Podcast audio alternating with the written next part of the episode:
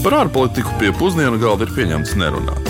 Ja vien tās nav diplomātiskās pusdienas.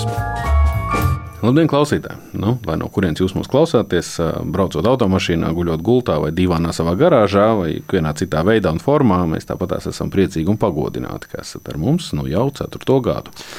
Jā, šīs ir diplomātiskās pusdienas, un tieši jūsu klausītāju uzticība liek mums censties veidot šos raidījumus katru nedēļu.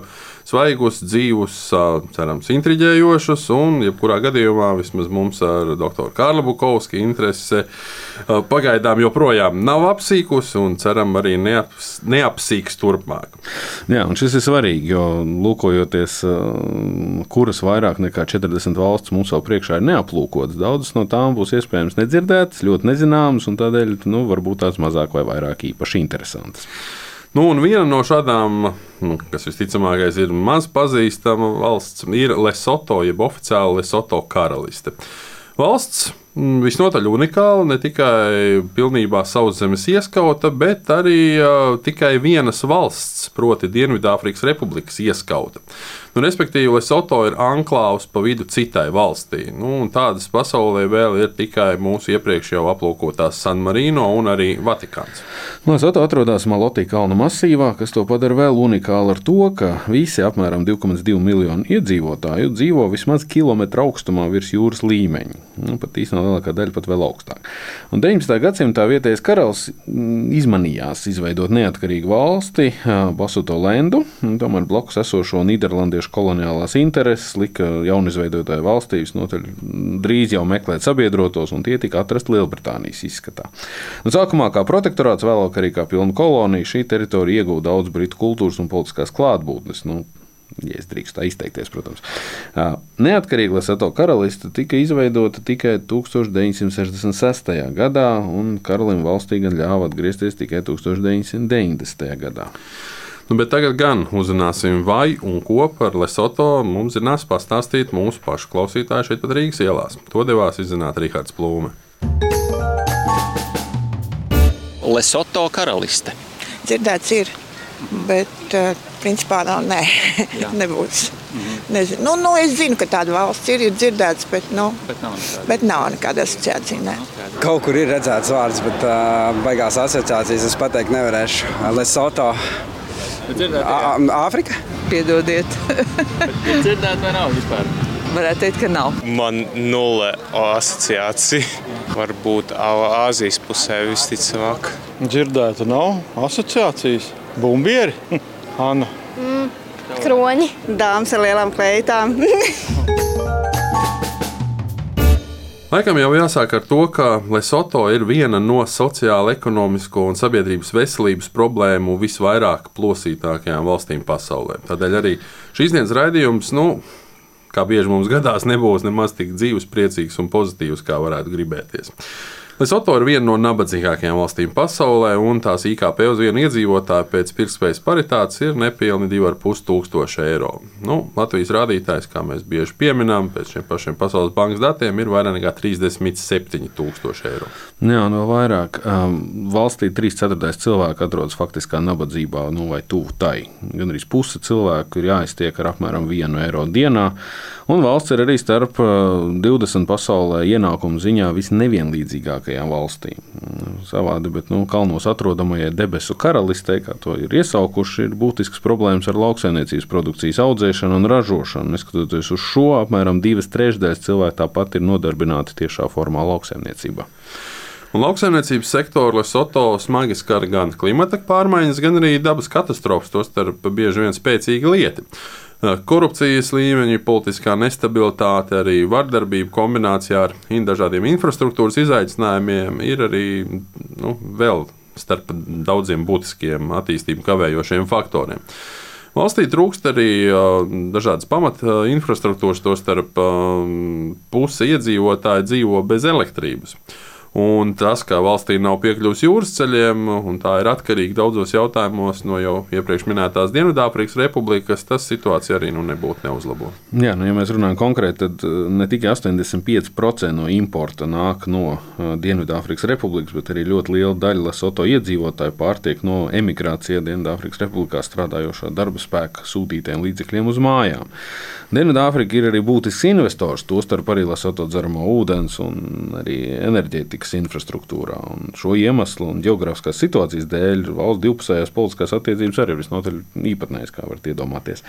Lesoto nereti tiek uzskatīta par Dienvidāfrikas Republikas satelītu valsts, un tādēļ ir arī pat Lesoto politiķi, kas tiešā veidā uzskata, ka nabadzīgajai un aitas plosītajai valstī vispār nav jāeksistē atsevišķi, nav jāuztur savu armiju, nav jāuztur sava nauda, tas viss ir pārāk dārgi, un tāpēc tā varētu mierīgi tikt arī anektēta un iekļauta Dienvidāfrikas Republikā. Starp citu, tieši aids epidēmija ir viena no būtiskākajām Lesoto problēmām, kas fundamentāli ir ietekmējusi valsts un sabiedrības izaugsmas iespējas. Aids ir nu, faktiski pat struktūrāla ekonomiskā problēma, jo bieži sievietēm ir jāizvēlas vai strādāt, vai arī rūpēties par radiniekiem, kuriem ir slimi ar aids. Un darba spēka izmiršana aids dēļ ir reāla problēma ne tikai lauksaimniecības sektorā, bet arī, piemēram, tekstilu rūpniecībā, kurā strādā gandrīz piektā daļa no darbspējīgiem uh, iedzīvotājiem, nu, tradicionāli tās sievietes. Uh, nu, lai cik tas paradoxāli neizklausītos, tad uh, tekstilu rūpniecībā strādājošo HIV pozitīvo cilvēku skaits ir otrajā vietā pēc prostitūcijā strādājošiem. Nu, proti, vairāk nekā 40% uh, rūpnīcas darbinieku ir HIV pozitīvi. Jā, tekstilu rūpniecības, starp citu, vairākumā gadījumu pieder ķīniešu un taivāņu investoriem. Konkrēti ķīniešu uzņēmēju un vadītāju rīcība un seksuālā vardarbība Lesoto ceļu būvniecības sektorā nesen ieguva 2022. gadā ieguva plašu redzamību. Nu, par šo problēmu iznāca dokumentālā filma, ko veido neatkarīgs Lesoto pētniecisko žurnālistu centrs. Un tajā tika atspoguļota nevien tikai vienaldzība pret nelaimes un nāves gadījumiem darba vietā, bet arī to, kā sievietes bija pakļautas sistemātiskiem seksuālās izmantošanas gadījumiem. Tādēļ piedāvāju noklausīties fragmentus no filmas, kuros Lesoto būvniecības iegūs un karjeras apvienotās darbinieku arotbiedrības ģenerālsekretārs Roberts Mukahlēns stāsta par valstī notiekošo. convention e haufinyane e buang ka taba ya sexual harassment Ir jauna starptautiskās darba organizācijas konvencija par seksuāliem pārkāpumiem darba vietā. Mēs esam lūguši Startautisko darba organizāciju panākt, lai darba ņēmēji apzinās un izprot šo konvenciju. Taču mēs esam konstatējuši, ka darbinieki par seksuāliem pārkāpumiem neziņo, jo nezina savas tiesības darba vietā. Viņiem nav iespēju ziņot par šiem pārkāpumiem un panākt, lai šie pāridarījumi tiktu pienācīgi izmeklēti un novērsti. Viens no daudznacionālās Ķīnas celtniecības kompānijas vietējiem vadītājiem man deva mājienu, ka ar vairākām sievietēm darba līgumi netika pagarināti, jo viņas atteicās pārgulēt ar saviem ķīniešu darba vadītājiem. Mēs bijām šokēti par saņemtajām ziņām un uzreiz sarīkojām tikšanos ar darbiniekiem. Darba likumdošana aizliedz piedāvāt darbu apmaiņā pret seksuāliem pakalpojumiem. Runājot par kopējiem darbinieku apstākļiem Ķīnas celtniecības kompānijā, jāsaka, ka darbiniekiem tiek maksātas zemas un apkaunojošas algas. Šī ir daudznacionāla Ķīnas celtniecības kompānija, kura ir noslēgusi vienošanos ar Lesoto valdību, solot kaut kādas pārmaiņas, taču to nav. Viņi ir solījuši izmainīt dzīvošanas apstākļus, lai nebūtu pārapdzīvotības, taču tā vietā 10-12 cilvēkiem ir kopā jādzīvo faktiski graustā tūmā esošā ciematā. Pēc viena strādnieka nāves mēs esam arī protestējuši pret darbinieku nedrošu pārvadāšanu kravas automašīnās. Šādu pārvadāšanu aizliedz arī vienošanās ar valdību, taču tas turpinās. Kad darbinieki pret to sāka protestēt, šo nemieru apklusināšanai tika nosūtīta smagi bruņota policija un armija. Viņi ieradās tā, it kā būtu jāstājas pretī otrajai armijai, nevis neapbruņotiem strādniekiem. Papildus tam visam mani vēl apcietināja kopā ar vairākiem strādniekiem.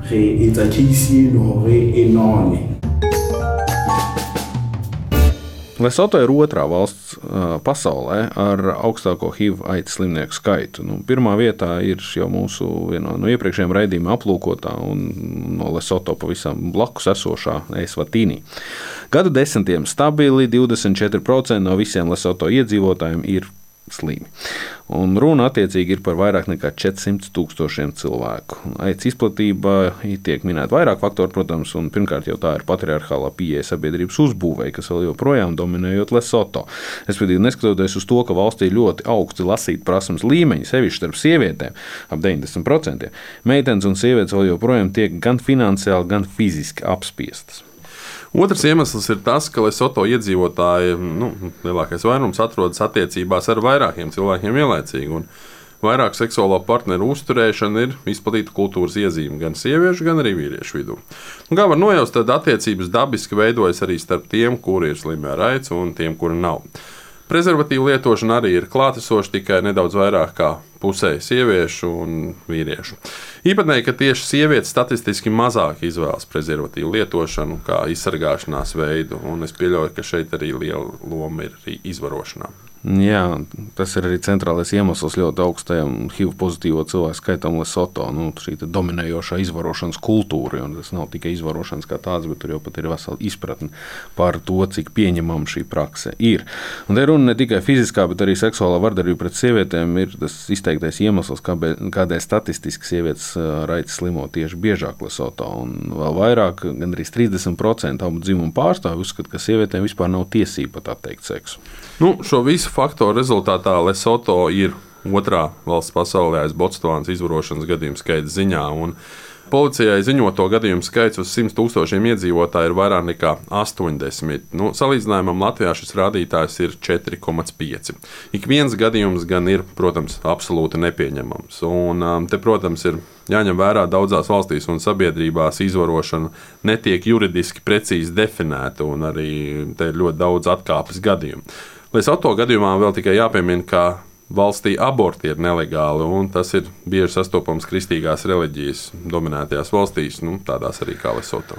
Nē, laikam ir redzams, ka lasīt prasmu un kopēja izglītības līmeņa celšanās valstī nav spējuši izskaust šīs Lesoto īpašās kultūras problēmas, ja tā var izteikties. Un ekstrēmā nabadzība, jau esošās sistēmiskās veselības problēmas sabiedrība, kā arī struktūrālās ekonomiskās problēmas, nu, tās neveicina arī kultūras izmaiņas, tostarp arī šīs izvarošanas kultūras mazināšanos.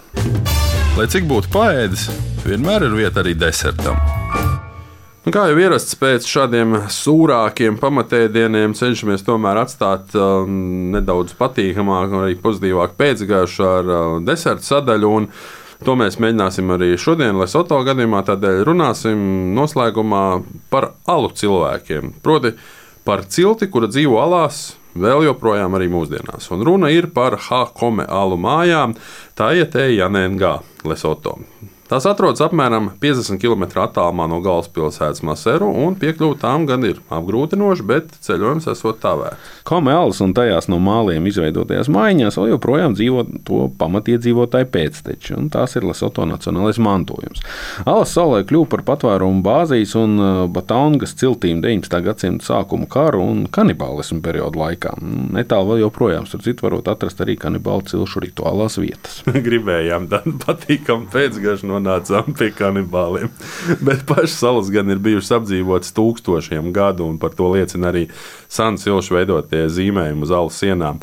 Skats visnotaļ interesants un aizraujošs. Nu, proti, ja nesanāk pašiem aizbraukt, tad nu, paskatieties vismaz fotografijas internetā, kā mazās, apaļās, no māliem veidotās pelēkas mājiņas ar oranžas krāsas jumtiem un durvju aplodām ļoti smuki iekļaujas masīvo kalnu alu siluetos. Un šī Nu, es tomēr teiktu, visnotaļ jaukā fakta. Mēs arī noslēdzam šodienas raidījumu, un jau pavisam drīz mēs sadzirdēsimies atkal. Tas būs nākamnedēļ, kad, kā mums ierasts, dosimies uz kādu citu pasaules reģionu, šoreiz uz Karībām un aplūkosim St. Lūsiju. Bet nu, līdz tam, lai izdodas! Uz atdzirdēšanos arī no manas puses, un klausieties mūsu Latvijas radio viļņos, portālā LSM, Latvijas radio mobilajā lietotnē, arī citās raidierakstu straumēšanas vietnēs, kur mūsu raidījums ir pieejams jebkurā jums vēlamajā laikā un vēlamajā formātā. Diplomātiskās pusdienas veidoja Esuģis Lībijams no Latvijas radio ziņu dienesta un dr. Kārls Bukovskis no Latvijas ārpolitikas institūta. Diplomātiskās pusdienas katru otrdienu pusdienos Latvijas Radio 1.